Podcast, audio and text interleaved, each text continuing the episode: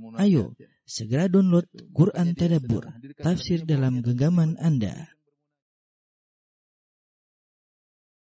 Bismillahirrahmanirrahim. Assalamualaikum warahmatullahi wabarakatuh. Alhamdulillahi ala ihsani wa syukru lahu ala taufiqihi wa amtinani wa syahadu an la ilaha illallah wahdahu la syarika lahu ta'ziman li sya'nih wa syahadu anna Muhammadan abduhu wa rasuluhu da'ala ridwani Allahumma salli alaihi wa ala alihi wa ashabihi wa ikhwani. Uh, Ikhwan akhwat dirahmati Allah Subhanahu wa taala, uh, jamaah Majelis Ta'lim dan Nur yang dirahmati Allah Subhanahu wa taala. Pada kesempatan kali ini kita melanjutkan bahasan kita tentang kawaid Qur'aniyah ya, fin nafsi wal hayat. Kaidah-kaidah Quran, yaitu 50 kaidah-kaidah Quran yang berkaitan tentang pribadi dan juga dalam kehidupan uh, bermasyarakat. Dan kita masuk pada kaidah yang ke-40 ya. Ini buku ini ada 50 kaidah. Ini berarti masih ada sekitar 11 kaidah lagi yang akan kita uh, sampaikan. Dan kita masuk pada kaidah yang ke-40 yaitu kaidah firman Allah Subhanahu wa taala innallaha ya'muru bil adl. Sungguhnya Allah Subhanahu wa taala memerintahkan untuk berbuat adil. Ya. Ini uh, adalah kaidah yang agung ya. Yang di mana Allah mengatakan innallaha ya'muru bil adl. Allah memerintahkan kalian untuk berbuat keadilan dalam segala hal. Seorang berbuat adil ya bahkan terhadap dirinya sendiri, apalagi terhadap uh, orang lain ya, apalagi terhadap masyarakat ya. Sampai-sampai dalam hadis disebutkan seorang tidak boleh apa namanya uh, bernaung di bawah sebuah naungan sementara naungan tersebut hanya mengenai sebagian badannya, sebagian badannya tidak. Ada yang mengatakan berarti kita tidak berbuat adil kepada diri sendiri.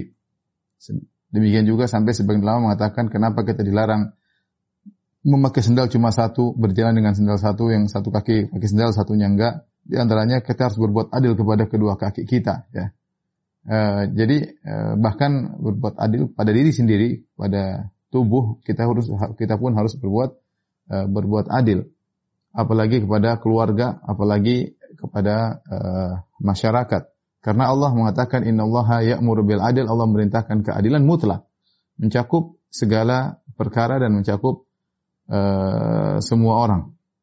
Allah Subhanahu wa taala telah uh, mensifati syariatnya dengan keadilan kata Allah Subhanahu wa taala wa tammat kalimatu rabbika sidqan wa adla la mubaddila li kalimatihi wa huwa samiul alim dan telah sempurna kalimat-kalimat Rabbmu yang jujur dan adil, yang benar dan adil. Semua kalimat-kalimat Allah, semua syariat Allah itu benar dan adil. La mubaddil di kalimati, tidak ada yang bisa merubah kalimat-kalimat Allah Sami'ul Alim dan dialah Allah yang Maha mendengar lagi Maha uh, berilmu. Semua syariat Allah semuanya adil. Yang mungkin ada pandangan sebagian orang tidak adil, tapi sungguh itu keadilan ya. Semua syariat Allah yang mungkin menurut pendapat sebagian orang tidak adil, sungguhnya itu adalah suatu keadilan yang dibangun di atas maslahat yang masalah tersebut yang paling mengetahui adalah pencipta alam semesta yang lebih tahu tentang masalah daripada manusia itu sendiri ya.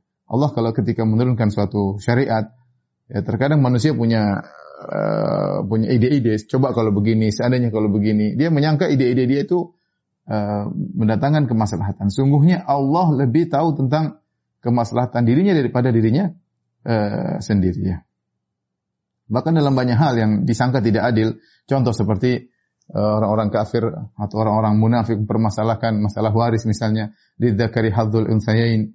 Bahwasanya lelaki dua bagian daripada uh, wanita. Ya ini kemudian dianggap ini syariat tidak adil. Kemudian mereka memprotes Al-Qur'an dan yang lainnya. Padahal kalau diteliti nanti syariat itu adalah syariat yang adil. Ya tentu ada pembahasannya secara khusus. Contoh juga seperti masalah uh, poligami misalnya ya. Fankihu ma tabalakum minan nisa'i masna wa thulatha ruba' bahwasanya nikahilah wanita yang kalian sukai dua atau tiga atau empat. Uh, kalau kalian kalau kalian uh, tidak takut untuk tidak adil, fawahidah ya. ya. Kalau kalian takut untuk tidak adil maka menikah cuma wa in khiftum alla ta'dilu fawahidatan. Kalau kalian takut tidak adil perhatikan ini. Jadi kalau syariat poligami empat kalau tidak takut tidak adil maka satu ya wajib satu tidak boleh lebih daripada daripada satu. Poligami pun empat istri kalau kita perhatikan ya bahkan saya punya buku khusus tentang ini. yang judulnya mukjizat poligami akan nampak bahwasanya syariat tersebut juga ada syariat yang penuh keadilan, syariat yang penuh rahmat. Hanya saja orang-orang tidak bisa mempraktekannya sesuai dengan yang di eh, diberi aturan oleh Allah Subhanahu wa taala. Intinya eh, bahwasanya syariat Allah semuanya adil. Meskipun nampak sebagian orang menganggap itu tidak adil, bahkan seperti syariat kisos. Orang sebagian orang mata protes kisos apa itu kok kejam seperti itu ya. Dia mungkin mengatakan demikian ketika dia melihat kisos kejam, kok ada apa namanya dibunuh seorang dibunuh seorang dirajam ya. Dia tidak tahu seandainya kalau yang yang jadi korban adalah anaknya sendiri. Ya mungkin baru dia bilang dia bisa terima kalau kisah itu adil ya. Tapi kalau dia hanya melihat kasus orang lain dia bilang kenapa harus dibunuh? Kenapa ya? Seandainya yang terkena kasus dirinya anaknya yang dibunuh oleh orang dia akan mengatakan tidak akan kisos ya jadi ini ini contoh bahwasanya semua syariat Allah adalah uh, dibangun di atas uh, keadilan dan dibangun di atas uh, kemaslahatan.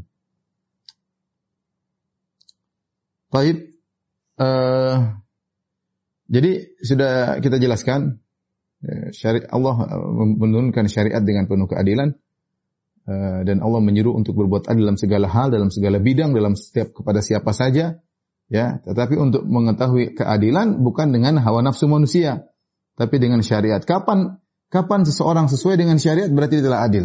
Kapan seorang sesuai dengan syariat, maka dia telah adil. Kapan dia menyimpang dari syariat, maka dia tidak adil. Karena uh, namanya syariat seluruhnya dibangun di atas keadilan. Seluruhnya dibangun di atas keadilan.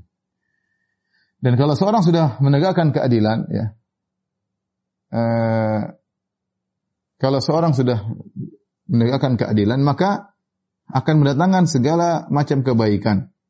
Dan jika seorang sudah melupakan keadilan, melakukan kezaliman, maka dia akan mendatangkan segala keburukan. Oleh kerana Ibn Taimiyah rahimahullah pernah berkata, Inna al hasanati al-adlu.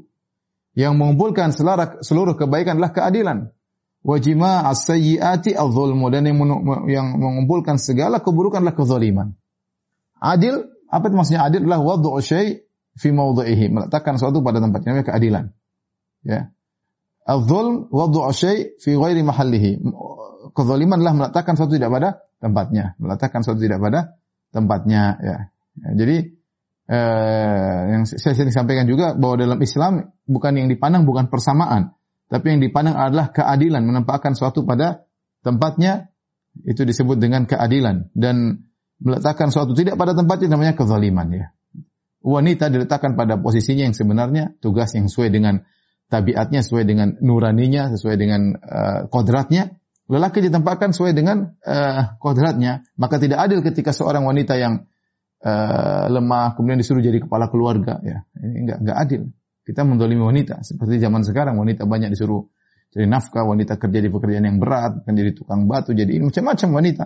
Di, harus dipajang di depan banyak orang, ya. Udah ketidakadilan. Taib. Uh, di antara cerita yang menakjubkan, bagaimana Islam menerapkan keadilan sampai bahkan kepada uh, non Muslim, sampai kepada non Muslim, ya. Uh, Wala yajrimannakum syana'anu qaumin ala alla ta'dilu, i'dilu hu aqrabu taqwa. Kata Allah Subhanahu wa taala, jangan sampai kebencian kalian kepada satu kaum membuat kalian tidak berbuat adil. Berbuat adilah ya uh, itu lebih baik kepada ketakwaan. Di antara cerita yang menakjubkan bagaimana uh, Islam menegakkan keadilan sampai kepada muslim seperti kisah uh, yang diriwayatkan oleh Ibnu Asakir dalam tarikh Dimashq dari jalan Sya'bi rahimahullahu taala. Ya, seorang tabi'in. Uh, wajada Ali bin Abi Talib dir'ahu inda rajulin Nasrani. Suatu hari Ali bin Abi Talib mendapati dira, dira itu baju perangnya ada di seseorang beragama Nasrani, itu ahlu zimmah, orang Nasrani yang tinggal di wilayah kaum muslimin ya. Mereka dia Nasrani dan tinggal di wilayah kaum muslimin. Tiba-tiba Ali bin Abi Thalib mendapati baju perangnya di orang Nasrani tersebut dan dia kenal baju perangnya. Fa'aqbala bihi ila Syurai yukhasimuhu. Maka dia pun ambil dan waktu itu Ali bin Abi Thalib al-Amirul Mukminin. Ali bin Abi Thalib al-Amirul Mukminin itu maksudnya khalifah ketika itu di zaman dia. Jadi khalifah. Maka dia mendapati di, di, di, mendapati baju perangnya pada seorang Nasrani. Maka dia pun bawa orang Nasrani tersebut kepada seorang hakim disebut dengan Syurai Al-Qadhi. Syurai Al-Qadhi adalah seorang hakim yang terkenal yang hidup di zaman Ali bin Abi Thalib. Kemudian pun dia duduk di hadapan Syurai Al-Qadhi, ya, padahal dia seorang amir, dia kalau gampangan kita dia presiden ketika itu, itu khalifah. Ya. Kemudian uh, Ali berkata radhiyallahu anhu, "Hadza dir'u dir'i." Kata dia, "Ya Syurai, ya wahai hakim." Dan ingat Ali bin Abi Thalib adalah khalifah ketika itu. "Wahai hakim, ini adalah baju perangku yang ada di orang Nasrani ini. Kemudian lam abi wa lam ahab. Ya. Uh, aku tidak pernah menjual baju perangku dan aku tidak pernah menghadiahkan baju perangku. Kok tiba-tiba baju perangku ada sama dia? Itu berarti milikku. Persis ciri-cirinya. Aku tidak pernah menjual, dia tidak pernah beli aku dan aku tidak pernah menghadiahkan kepada seorang pun. Itu baju perangku. Faqala Syuraih li Nasrani. Maka Syuraih Al-Qadhi berkata kepada Nasrani tersebut. Ma taqul fima yaqulu amrul mu'minin. Bagaimana apa yang kau kata, ucapkan terhadap perkataan Amirul Mukminin Ali bin Abi Thalib? Dia raja, Amirul Mukminin, ya, presiden ya gambarnya. Bagaimana pendapatmu? Nasrani ini berkata apa? Madir'u illa dir'i wa ma Amirul Mukminin indi bikadzib. Dia tak dia mengatakan, wahai qadhi, wahai hakim, ini baju perang, baju perangku. Dan menurutku Amirul Mukminin tidak bukanlah pendusta di sisiku. Dia jujur, tapi ini ini baju-bajuku. Artinya dia tetap mengatakan benar Ali bin Abi Thalib tidak berdusta, tetapi ini baju perang milikku. Ya. Kemudian faltafata Syurai ila Ali faqala ya Amirul Mukminin hal min bayyinah. Ya kalau tatkala Ali mengatakan itu barangku, dia harus punya dia punya harus punya dalil, punya bukti bahwa itu barang dia. Kalau tidak, maka dalam kaidah hukum asal barang di berada pada seorang, hukum asalnya barang itu milik orang tersebut. Hukum asal barang berada di pemiliknya, itu hukum asal. Sekarang baju perang tersebut berada di tangan Nasrani, berarti hukum asal baju tersebut milik orang Nasrani. Tiba-tiba Ali bin Abi Thalib menuntut mengatakan itu baju perang dia. Dan tidak bisa Ali mengambil uh, baju perang tersebut kecuali dia punya bukti, punya bayinah. Kalau tidak punya, maka kembali kepada hukum asal. Maka ketika itu Syuraih Al-Qadhi berkata kepada Ali bin Abi Thalib, "Ya Amirul Mukminin, hal min bayyinah?" Kau punya bukti bahwa itu baju perangmu? Qala fadhahika Ali. Ali ketawa. Ya tidak ada lah. Dia bilang tidak ada. Wa qala asaba Syuraih, "Ma li bayyinah?" Kata Ali bin Abi Thalib, "Benar Syuraih. Ya saya tidak punya dalil, tidak punya bukti bahwa itu barang milikku." Faqadha biha li Nasrani. Akhirnya Syuraih Al-Qadhi memutuskan bahwasanya baju perang tersebut milik Nasrani, padahal itu milik Ali bin Abi Thalib. Subhanallah. Ali bin Abi Thalib sebagai Amirul Mukminin dikalahkan, yang dimenangkan adalah seorang Nasrani. Karena ini hukum dengan keadilan. Ali tidak punya asal nuduh, tidak punya bukti, tidak bisa dimenangkan. Meskipun kenyataan itu bajunya Ali bin Abi Thalib. Maka Syurai Al-Qadhi memenangkan Nasrani tersebut. Maka dia mengambil baju perang tadi. Qala famasya khutan. Kemudian Nasrani tersebut pergi membawa baju perang tersebut. Beberapa langkah kemudian dia balik lagi. Sudah pergi dia balik lagi. Dia berkata, "Ama ana fa asyhadu anna hadhihi ahkamul anbiya." Adapun aku aku bersaksi. Hukum yang kalian terapkan ini hukumnya para nabi. Amirul Mukminin qaddamani ila qadhi qadhihi wa qadhihi yaqdi alaihi. Sungguh menakjubkan kata dia. Presiden ya mempermasalahkan aku kepada hakim miliknya. Hakim ini bawah kekuasaan presiden gampangannya, kekuasaan Amirul Mukminin, kekuasaan khalifah. Ini khalifah mengadukan aku kepada hakim yang di bawah kekuasaannya. Kemudian sang hakim ternyata membelaku. Dia heran. Ini menakjubkan. Ya, bagaimana bisa demikian? Ini Amirul Mukminin ya mempermasalahkan aku kepada hakim yang di bawah kekuasaan. Ternyata sang hakim bukan bela Amirul Mukminin, sang hakim bela aku. Ini pasti hukumnya para anbiya, para nabi seperti ini hukumnya. Maka dia berkata, Ashadu an la ilaha illallah wa asyhadu Muhammadan abduhu wa rasul. Dia masuk Islam gara-gara itu. Ya, aku bersaksi bahwa tidak sembahan berhak disembah kecuali Allah dan aku bersaksi Muhammad adalah utusan Allah dan hambanya. Dir'u wallahi dir'uk. Kata dia demi Allah ini baju perang milikmu wahai Ali bin Abi Thalib, wahai Amirul Mukminin. Dir'u wallahi dir'uka ya Amirul Mukminin. Ini baju perang bukan milikku, demi Allah milikmu. Ittaba'tul jaisha wa anta muntalikun ila Siffin. Bagaimana aku bisa dapat baju perang ini? Suatu hari aku mengikuti perjalanan pasukan waktu kau sedang berjalan menuju perang Siffin. Fa kharajat min kal awraq. Tiba-tiba baju itu jatuh dari ontamu yang kau tunggangi, baju yang mungkin Ali bin Abi Thalib lagi taruh uh, taruh baju perangnya di ontanya, tiba-tiba berjalan baju perangnya jatuh. Maka aku pun mengambil ya baju perang tersebut. Ama idza aslamtu fahiya ama idza aslamta fahiyalak. Ali bin Abi Thalib ketika dengar orang itu masuk Islam dan mengaku itu adalah baju perang milik Ali, baju perang dulu barang berharga ya. Maka Ali bin Abi Thalib berkata, "Adapun kau sudah masuk Islam, maka itu baju perang untukmu. Ambil aja, tidak ada masalah." Ya. Wa hamalahu ala farasin. Fahiyalak ambil, maka dia pun ambil baju perang tersebut, ya. kemudian dia pun bawa di atas kuda, Kemudian apa yang terjadi? Ya, setelah dia masuk Islam, akhirnya dia berperang bersama Ali bin Abi Thalib untuk memerangi orang-orang Khawarij ketika peristiwa Nahrawan, ya, Nahrawan.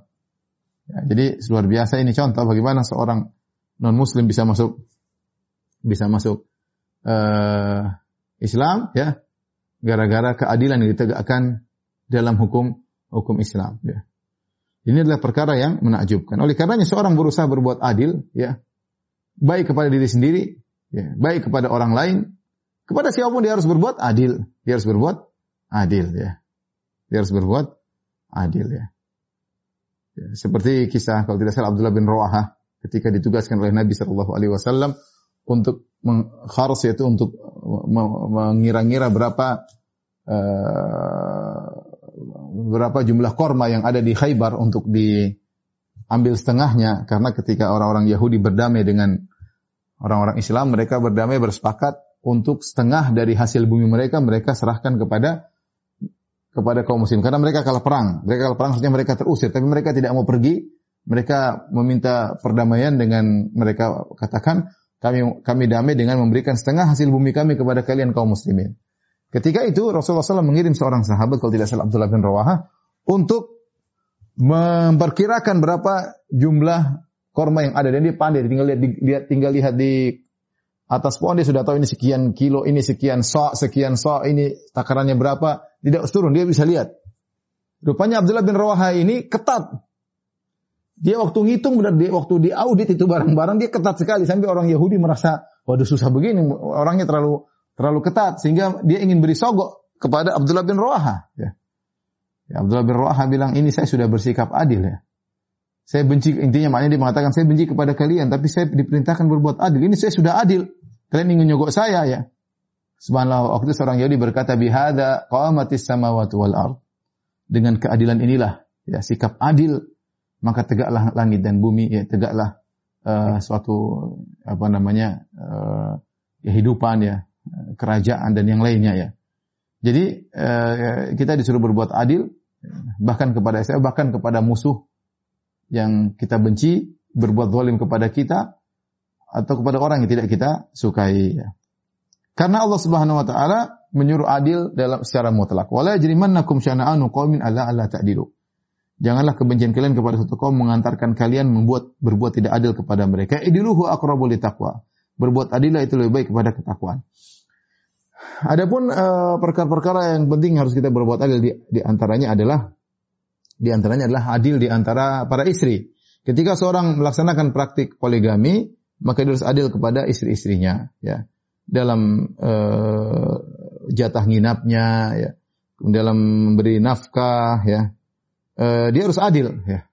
Karena kalau dia tidak adil, condong kepada salah satunya, maka dia terjerumus dalam dosa besar, yaitu mendolimi salah satu istri yang dia akan dipermalukan pada hari kiamat kelak. Kata Nabi sallallahu alaihi wasallam, "Mangkanat lahum ra'atani famala ila ihdahuma ja'a yaumal qiyamati wa shikkuhuma il."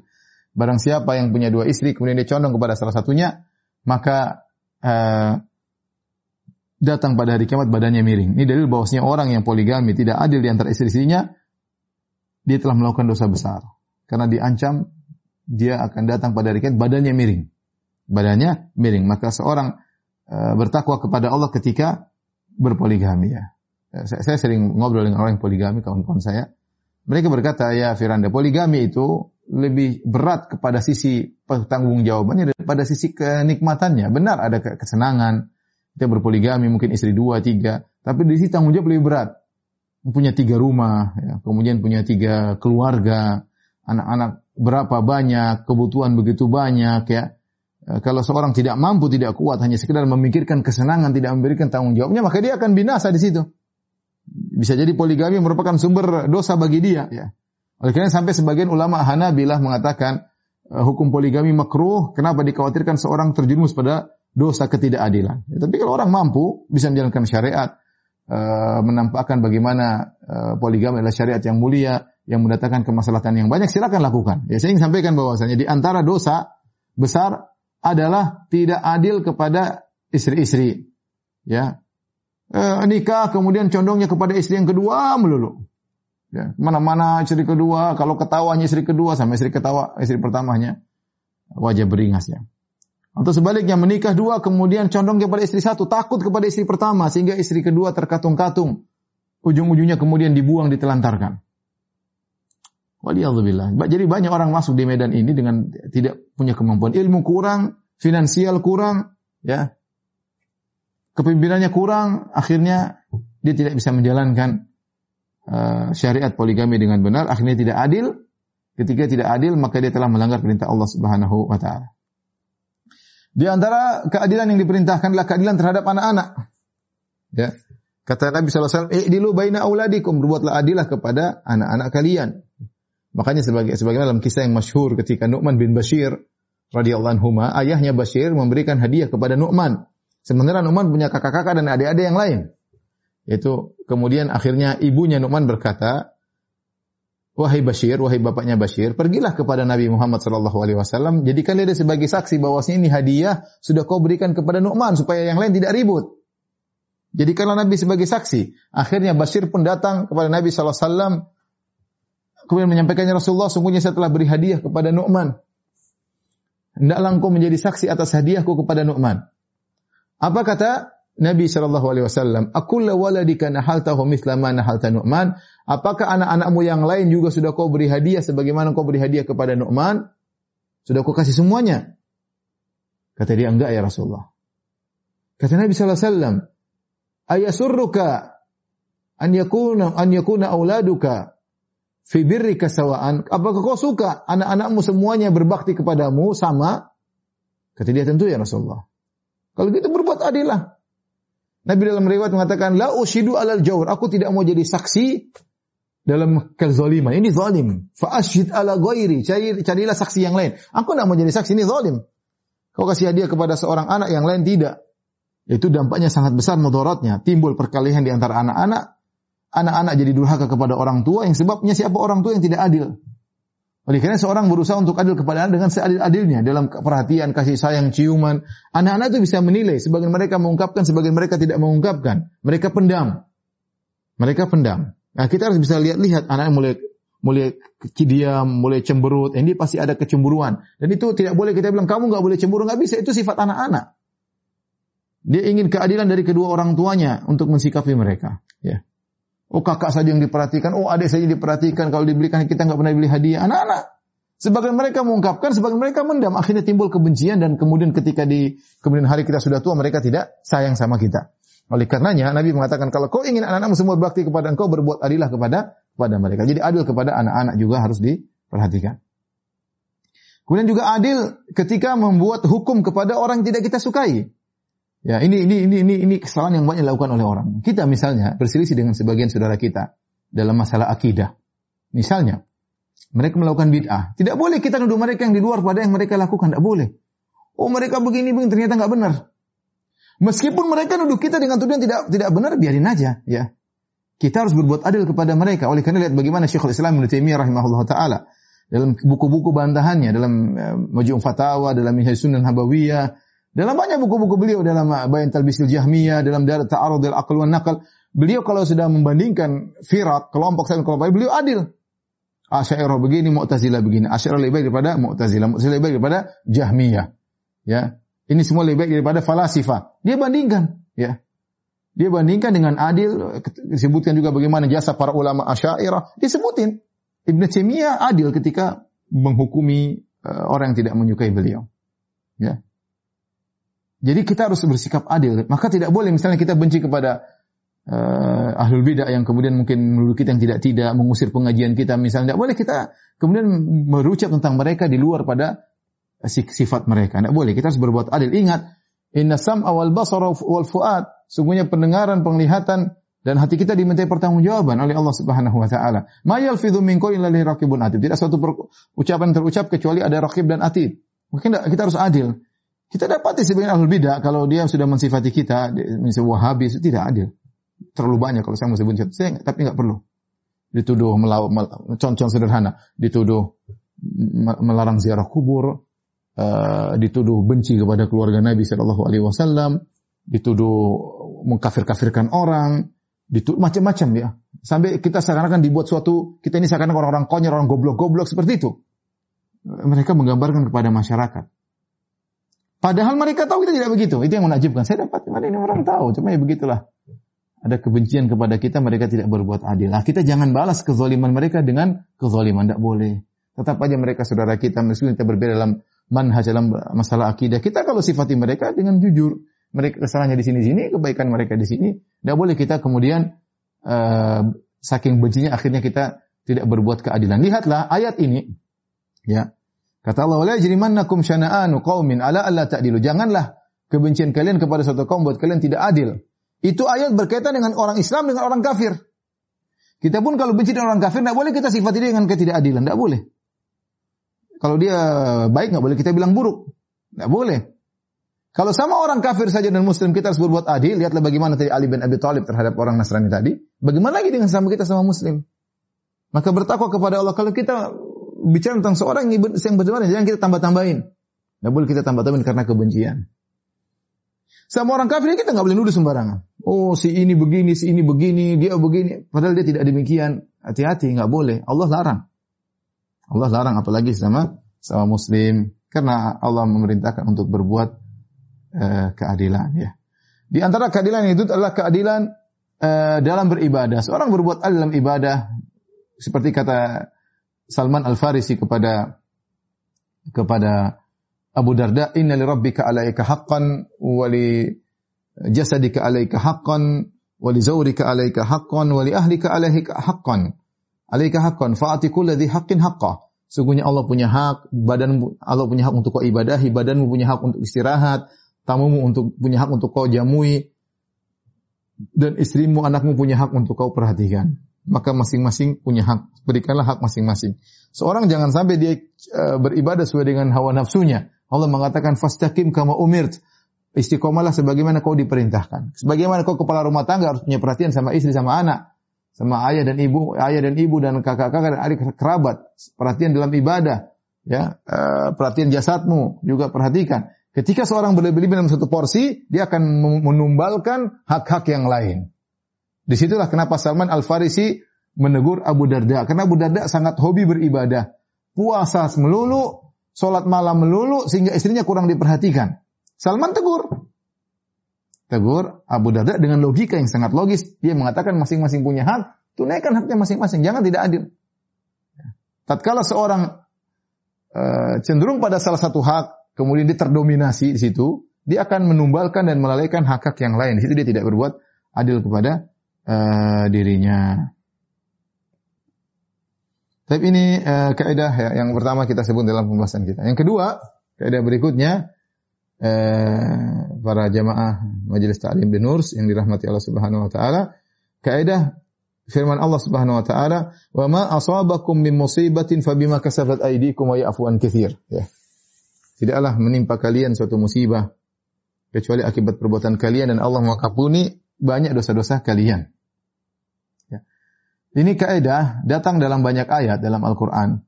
Ya ingin menjelaskan bahwa setiap musibah yang menimpa kita, baik sakit, kesedihan, kekhawatiran, kegelisahan, gundah gulana, dan yang lainnya, dizolimi orang, semuanya adalah akibat dosa-dosa yang kita lakukan. Semuanya. Allah mengatakan, "Wa ma asabakum musibatin fabima kasabat aydikum." Tidak ada satu musibah pun menimpa kalian kecuali akibat ulah perbuatan kalian. Wa ya'fu an dan tidak semua dosa kalian dijadikan musibah oleh Allah. Banyak dosa-dosa kalian Allah ampuni, tidak dijadikan musibah.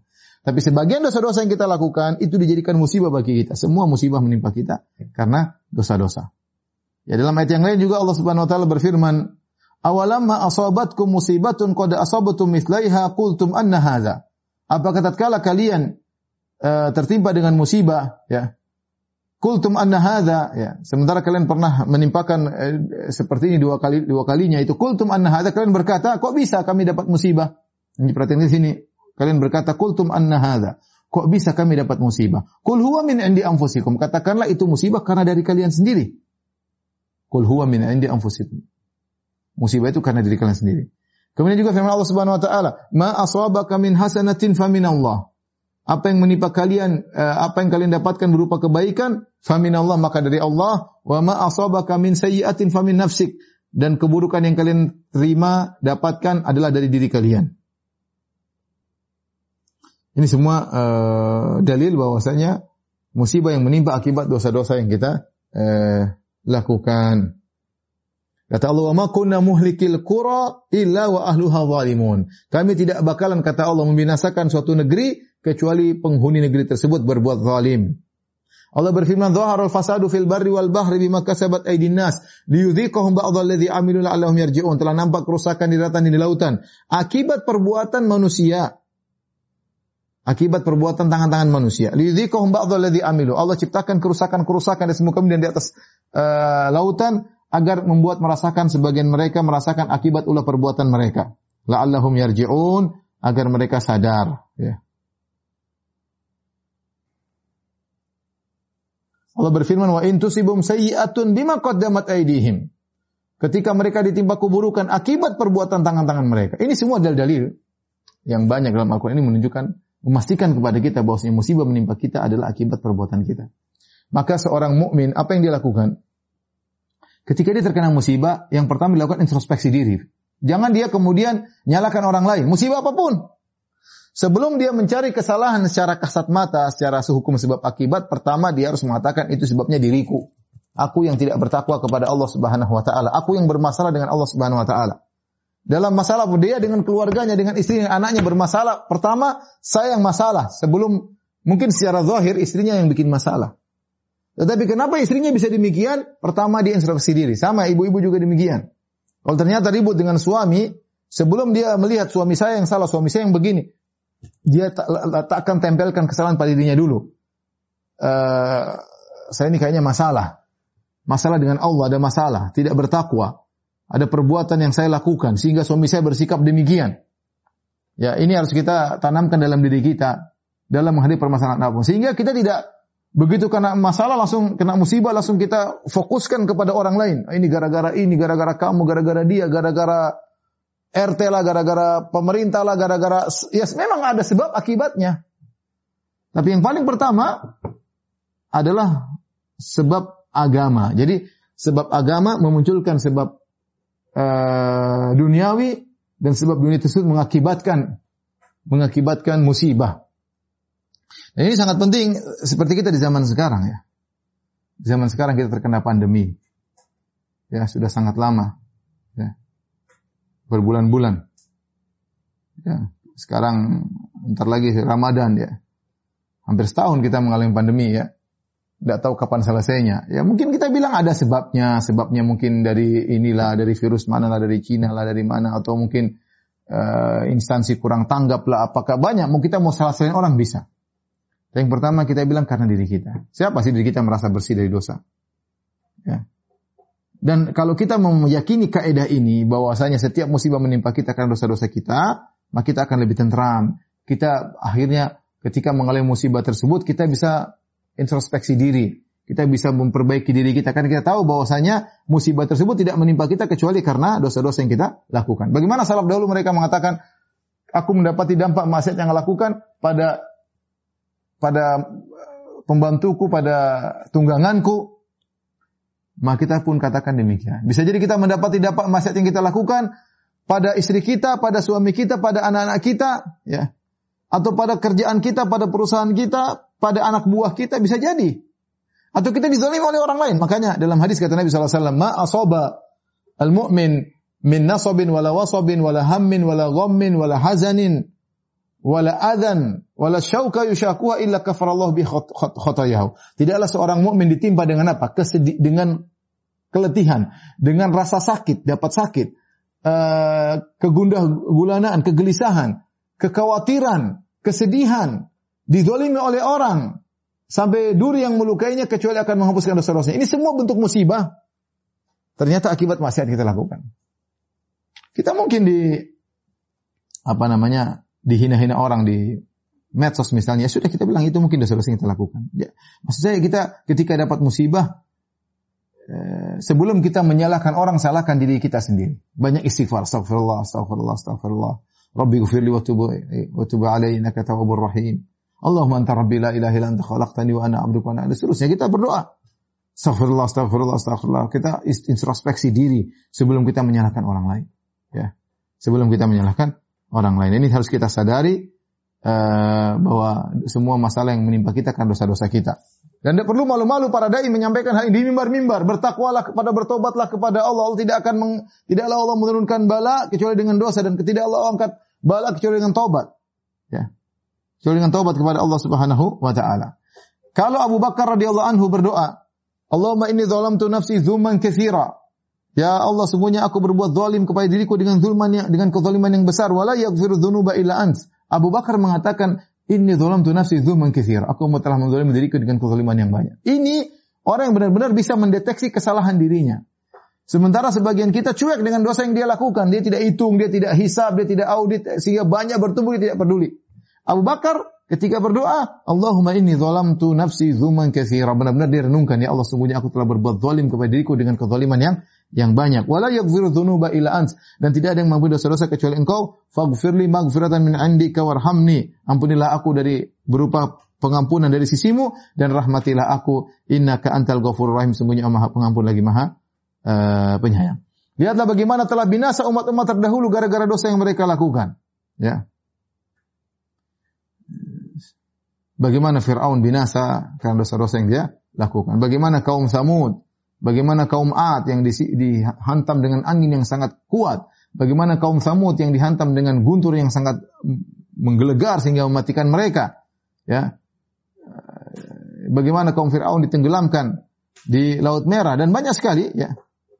Bagaimana Allah telah memberikan contoh kepada kita umat-umat yang binasa ya gara-gara dosa-dosa yang mereka uh, lakukan. Gara-gara dosa-dosa yang mereka lakukan. Dari situ ikhwan dan akhwat yang dirahmati Allah Subhanahu wa taala, para jamaah majelis taklim dan nus yang dirahmati Allah Subhanahu wa taala, ketika kita ditimpa musibah segera kita introspeksi diri. Jangan kita malah menjadi orang-orang yang lalai. Allah mengatakan wa ma nursilu bil ayati illa takhwifa. Tidaklah kami turunkan ayat-ayat kami kecuali untuk berasa takut. Jadi kita takut kepada Allah. Ya.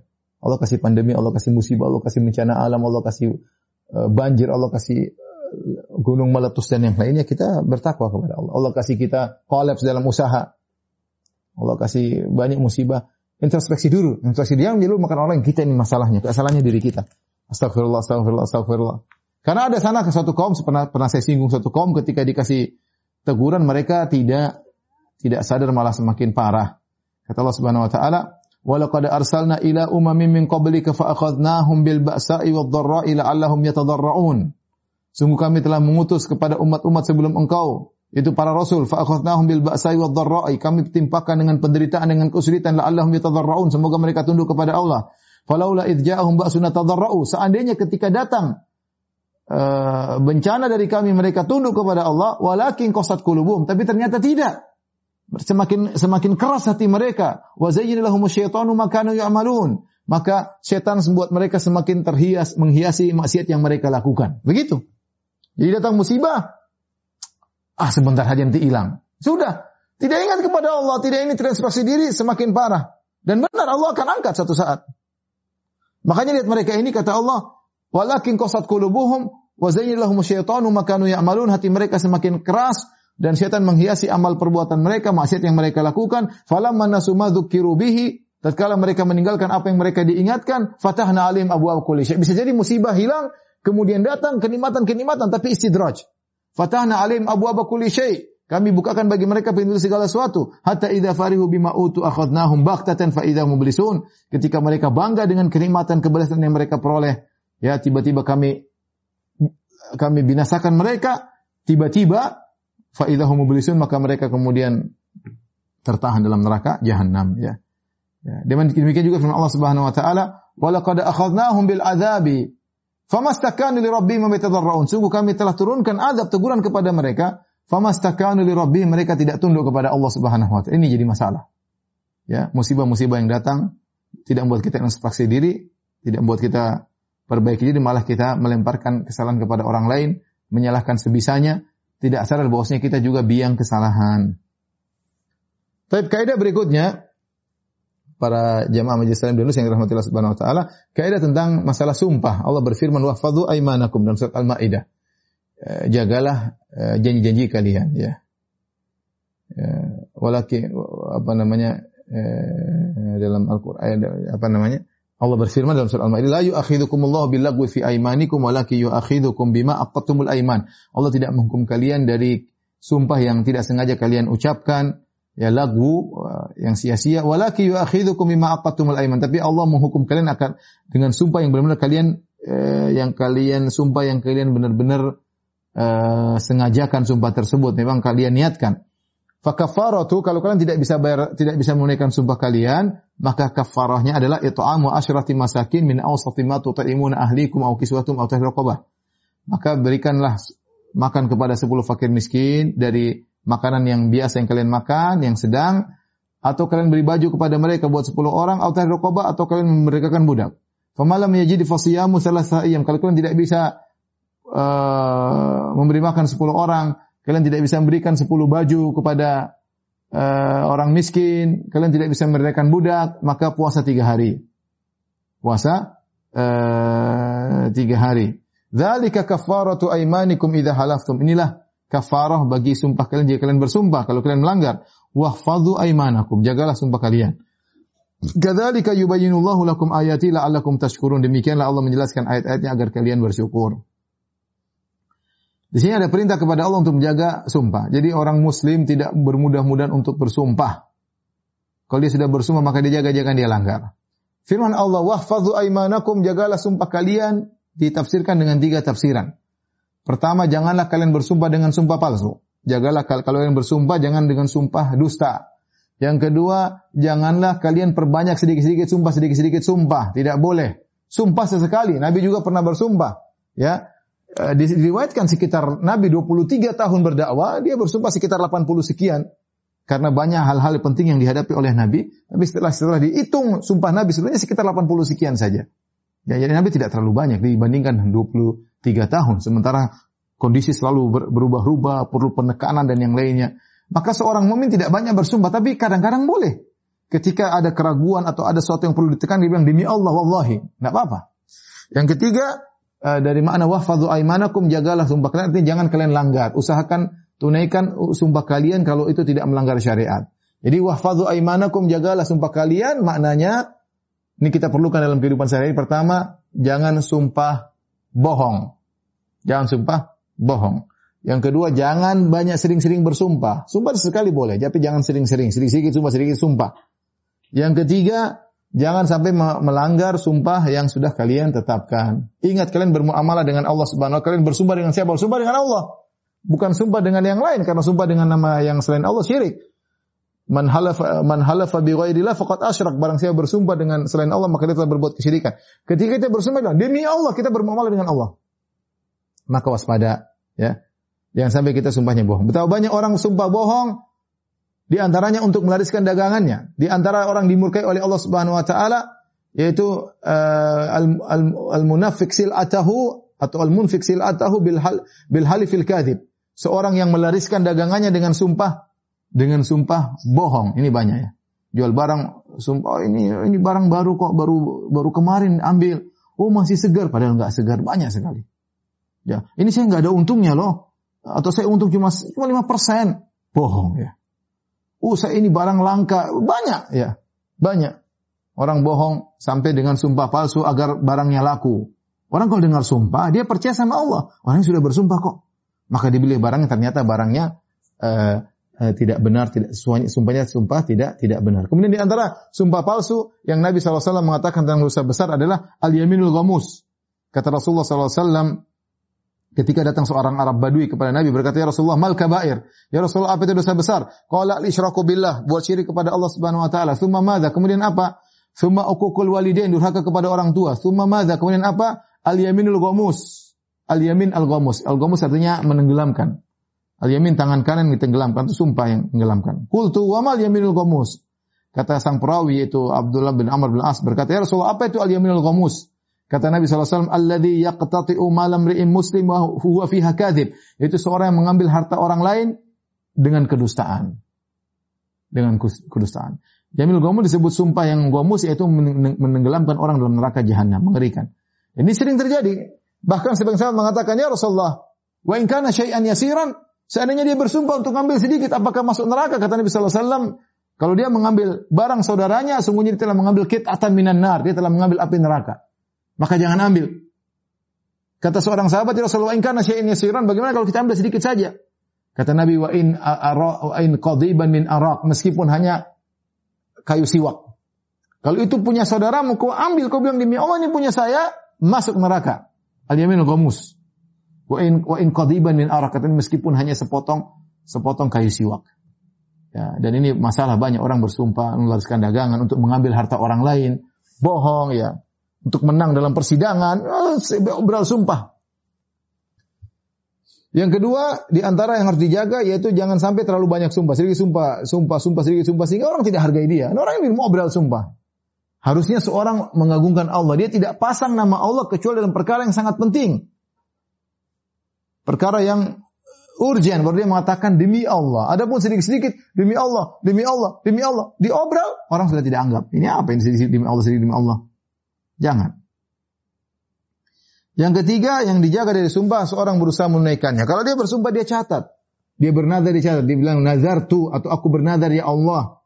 Kalau dalam hati belum terkena, tapi kalau dia sudah ucapkan demi Allah aku akan kalau aku lulus aku akan begini. Demi Allah aku kalau aku dapat gaji gaji pertama aku sekian akan aku sudahkan di jalan Allah Subhanahu wa taala. Demi Allah kalau misalnya uh, saya dapat rezeki saya akan umrah, saya akan haji. Dia catat itu agar dia tidak lupa. Dia berjanji kepada siapa? Dia bukan berjanji kepada bupati. Dia bukan berjanji kepada gubernur. Dia berjanji kepada Rabbul Alamin yang menciptakan dia. Ketika Allah berikan dia kemudahan dan dia sudah dapat sesuatu, ternyata dia tidak kerjakan sumpahnya. Ya. Maka seorang kalau sudah bersumpah jangan dia langgar. Berusaha dia kerjakan sumpahnya tersebut. Eh, kecuali sumpahnya adalah sumpah yang salah. Atau dia melihat ada yang lebih baik. Misalnya dia bersumpah, eh, kalau saya dapat gaji, saya akan belikan motor bagi ayah saya misalnya. Ternyata, wah, jangan dia lebih ingin belikan mobil. Terus bagaimana? Dia sudah terjanji bilang belikan motor, dia kafaratul yamin. Maka dia beri makan, dia dia dia dia melanggar sumpahnya dan dia beri makan 10 fakir miskin. Dan ini tidak berdosa karena dia berpindah pada yang lebih baik. Ini tidak mengapa. Kata Nabi, saya pun ber, saya pun punya nazar kalau saya lihat yang lebih baik saya akan tinggalkan dan aku uh, melakukan kafaratul kafaratul yamin, kafarah sumpah. Ya, kafarah sumpah. Uh, inilah ikhwan dan akhwat yang dirahmati Allah Subhanahu wa taala, jika seorang bersumpah maka dia harus tunaikan kecuali ternyata sumpah tersebut sumpah yang haram, ya tidak boleh ditunaikan, ya. Uh, atau kemudian ada ada perkara yang lebih baik sehingga dia meninggalkan sumpah yang lamanya dia batalkan dia bayar kafarah dan dia melakukan lebih baik. Karena Nabi SAW berkata, Inni wallahi Allah la ahlifu ala yaminin fa ara hadha khairan minha illa ataitu alladhi huwa khair wa tahallaltuha. Kata Nabi demi Allah aku ini kalau aku bersumpah kepada suatu sumpah lalu aku melihat ada yang lebih baik daripada apa yang aku sumpahkan, maka aku akan mengerjakan lebih baik dan aku akan bayar kafarah ya eh, dari sumpah uh, tersebut agar tidak berdosa. Tapi yang terakhir yang kita bahas pada kesempatan kali ini adalah kaidah 43 wa may yuqashuha nafsihi faulaika humul muflihun. Barang siapa dilindungi dari penyakit syuh eh, apa namanya? Eh, syuh jiwanya yaitu pelit dan tamak eh, faulaika humul muflihun, maka dia adalah orang beruntung. Kita ada namanya al-bukhul. Al-bukhul itu pelit. Ada namanya tama tama tama itu rakus. Kalau uh, asyuh itu gabungan di antara keduanya. Syuh itu Rasa pelit disertai dengan tamak, semangat, hirs, alal mal. Pelit dan pingin punya harta banyak. Ini namanya syuh. Dia lebih derajatnya lebih tinggi, lebih parah daripada daripada sekedar pelit. Ya. Daripada sekedar pelit. Dan ini berbahaya kalau seorang sudah pelit dan punya harta banyak, dia akan terjumus dalam banyak dosa. Bisa jadi dia mencuri, bisa jadi dia korupsi, bisa jadi dia berbohong, bisa jadi dia utang nggak bayar-bayar. Kenapa dia tamak? Pingin punya harta. Betapa banyak orang nggak bayar utang. Kenapa dia tamak? Dia, dia, dia punya duit untuk bayar utang? Nggak, dia pingin beli lagi, pingin beli lagi, pingin memperbanyak aset. Betapa banyak dia punya duit dan dia bisa bayar utang. Ternyata dia buka lagi usaha ini, modalkan uangnya orang dia pakai. Tamak. Namanya asyuh. Asyuh.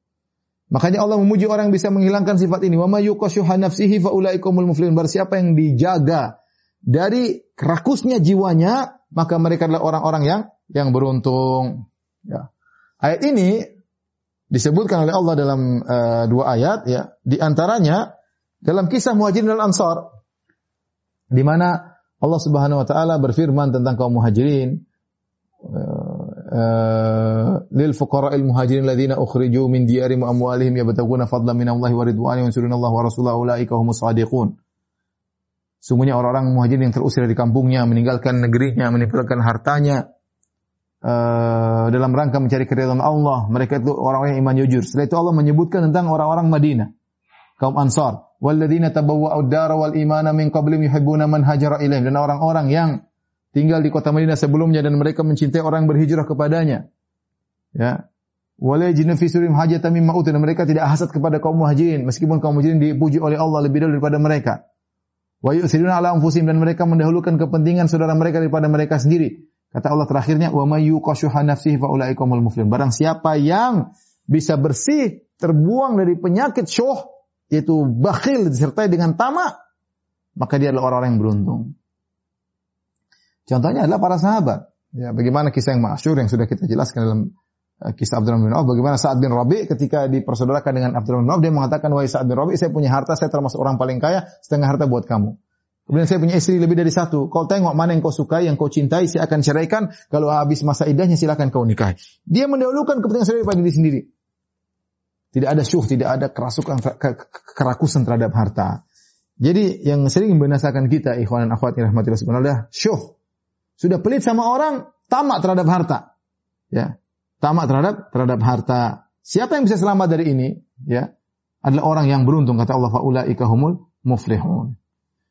Suatu hari ada seorang tabi'in sedang tawaf di Ka'bah. Ini benar ada seorang yang sudah tua kemudian berdoa, Rabbi qini syuha nafsi, ya Allah lindungilah aku dari uh, rakusnya jiwaku. Rabbi qini syuha nafsi, ya Allah lindungilah dari penyakit syuh. Orang, bingung ini siapa orang ini berdoanya, ya Allah lindungilah aku dari penyakit syuh, lindungilah aku. Ya, dicek ternyata orang itu Abdurrahman bin Auf. Abdurrahman bin Auf ini siapa? Orang yang sadagar, sadagar kaya, raya yang senantiasa menyumbahkan mensedekahkan hartanya jalan Allah Subhanahu wa taala, itu pun dia masih berdoa, "Ya Allah, lindungilah aku dari penyakit tamak, pelit dan tamak yaitu syuh." Allahumma kini syuhan nafsi. Dia berdoa ketika tawaf itu aja tidak doa yang lain. Ya Allah jauh bersihkanlah aku jauhkan lagi dari kepelitan. Maka seorang harus sadar bahwasanya dunia cuma sementara. Maka jangan dia masukkan dunia dalam hatinya. Kalau dia punya duit sedekah-sedekah, ya, jangan ragu-ragu. Kapan terbit hatinya ingin kasih orang uang, kasih, jangan ragu-ragu. Itu Allah kasih hidayah kepada diri kita. Jangan ragu-ragu, kasih aja, kasih aja insya Allah ya.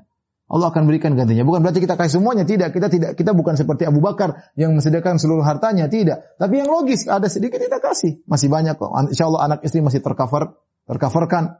Ya, Alhamdulillah. Tapi penyakit show ini harus dilawan. Tamak pingin punya harta, nah lawan. Ngapain saya punya harta banyak-banyak? Hanya menambah bebanku di akhirat. Udah punya mobil, pingin mobil lebih banyak lagi. Punya rumah, pingin rumah lebih banyak lagi. Tamak. Ya. Ibu-ibu terutama, jangan sampai punya tas-tas sampai 20 tas ngapain? Tas banyak-banyak. Dihisap satu-satu nanti repot hari kiamat. Ya. Punya jam sampai banyak, jam ini, jam anu, jam ini, jam ini, ya. Buat apa? Ya. J jangan sampai kita terlalu tamak. Ya. Akhirnya kita mengumpulkan adalah pelit dan tamak disebut, disebut dengan syuh.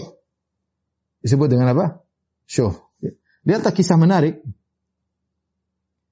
Uh, kisah menarik dari Qais bin Sa'ad bin Ubadah. Qais bin Sa'ad bin Ubadah uh, dia adalah seorang yang dermawan terkenal. Suatu hari dia sakit. Dia sakit. Kemudian orang-orang kok tidak jenguk dia. Dia gelisah. Saya sakit kok nggak ada yang jenguk saya. Maka dia tanya sama orang dekatnya, kenapa si fulan, si fulan, si fulan, si fulan, si fulan, si fulan tidak jenguk saya, saya sedang sakit. Lagi sakit kok tidak dijenguk? Karena sunnah Nabi jenguk orang sakit. Maka orang mengatakan, innahum kanu yastahyuna bimalaka alaihim minad dain. Maka dikatakan kepada Qais bin Sa'ad bin Ubadah, sungguhnya mereka tidak jenguk engkau karena mereka malu, mereka punya utang sama engkau, wahai Qais bin Sa'ad bin Ubadah. Mereka punya utang sama kamu. Maka apa kata Sa'ad uh, Qais bin Sa'ad bin Ubadah? Akhzallahu malan yamna'ul ikhwan minaz ziyarah.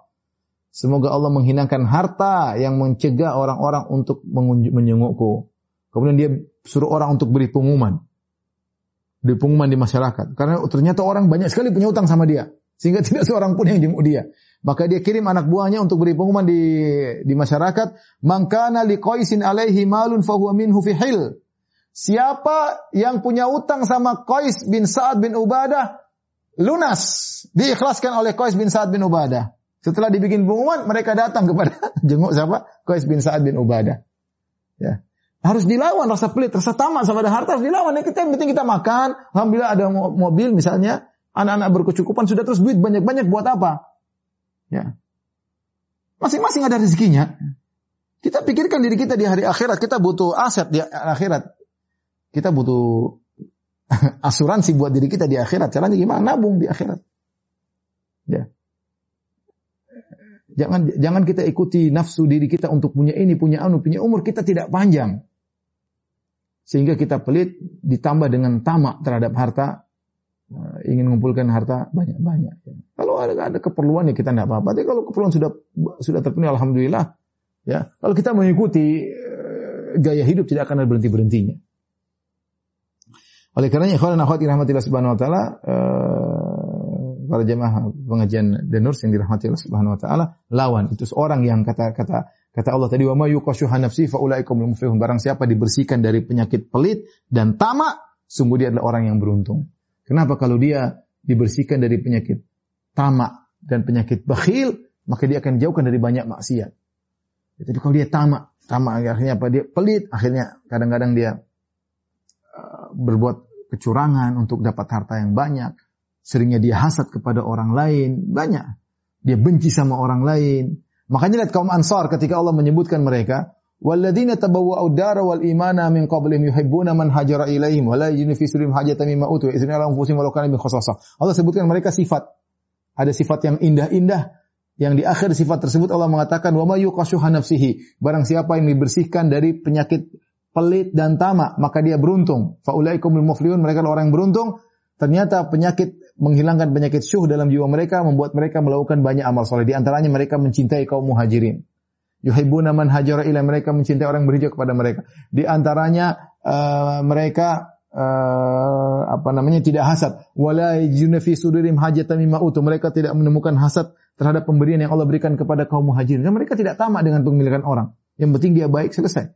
Kemudian yang ketiga, uh, wa yusiruna ala anfusihim. Mereka mendahulukan kepentingan saudara daripada diri mereka sendiri. Kenapa? Karena mereka tidak punya penyakit syuh.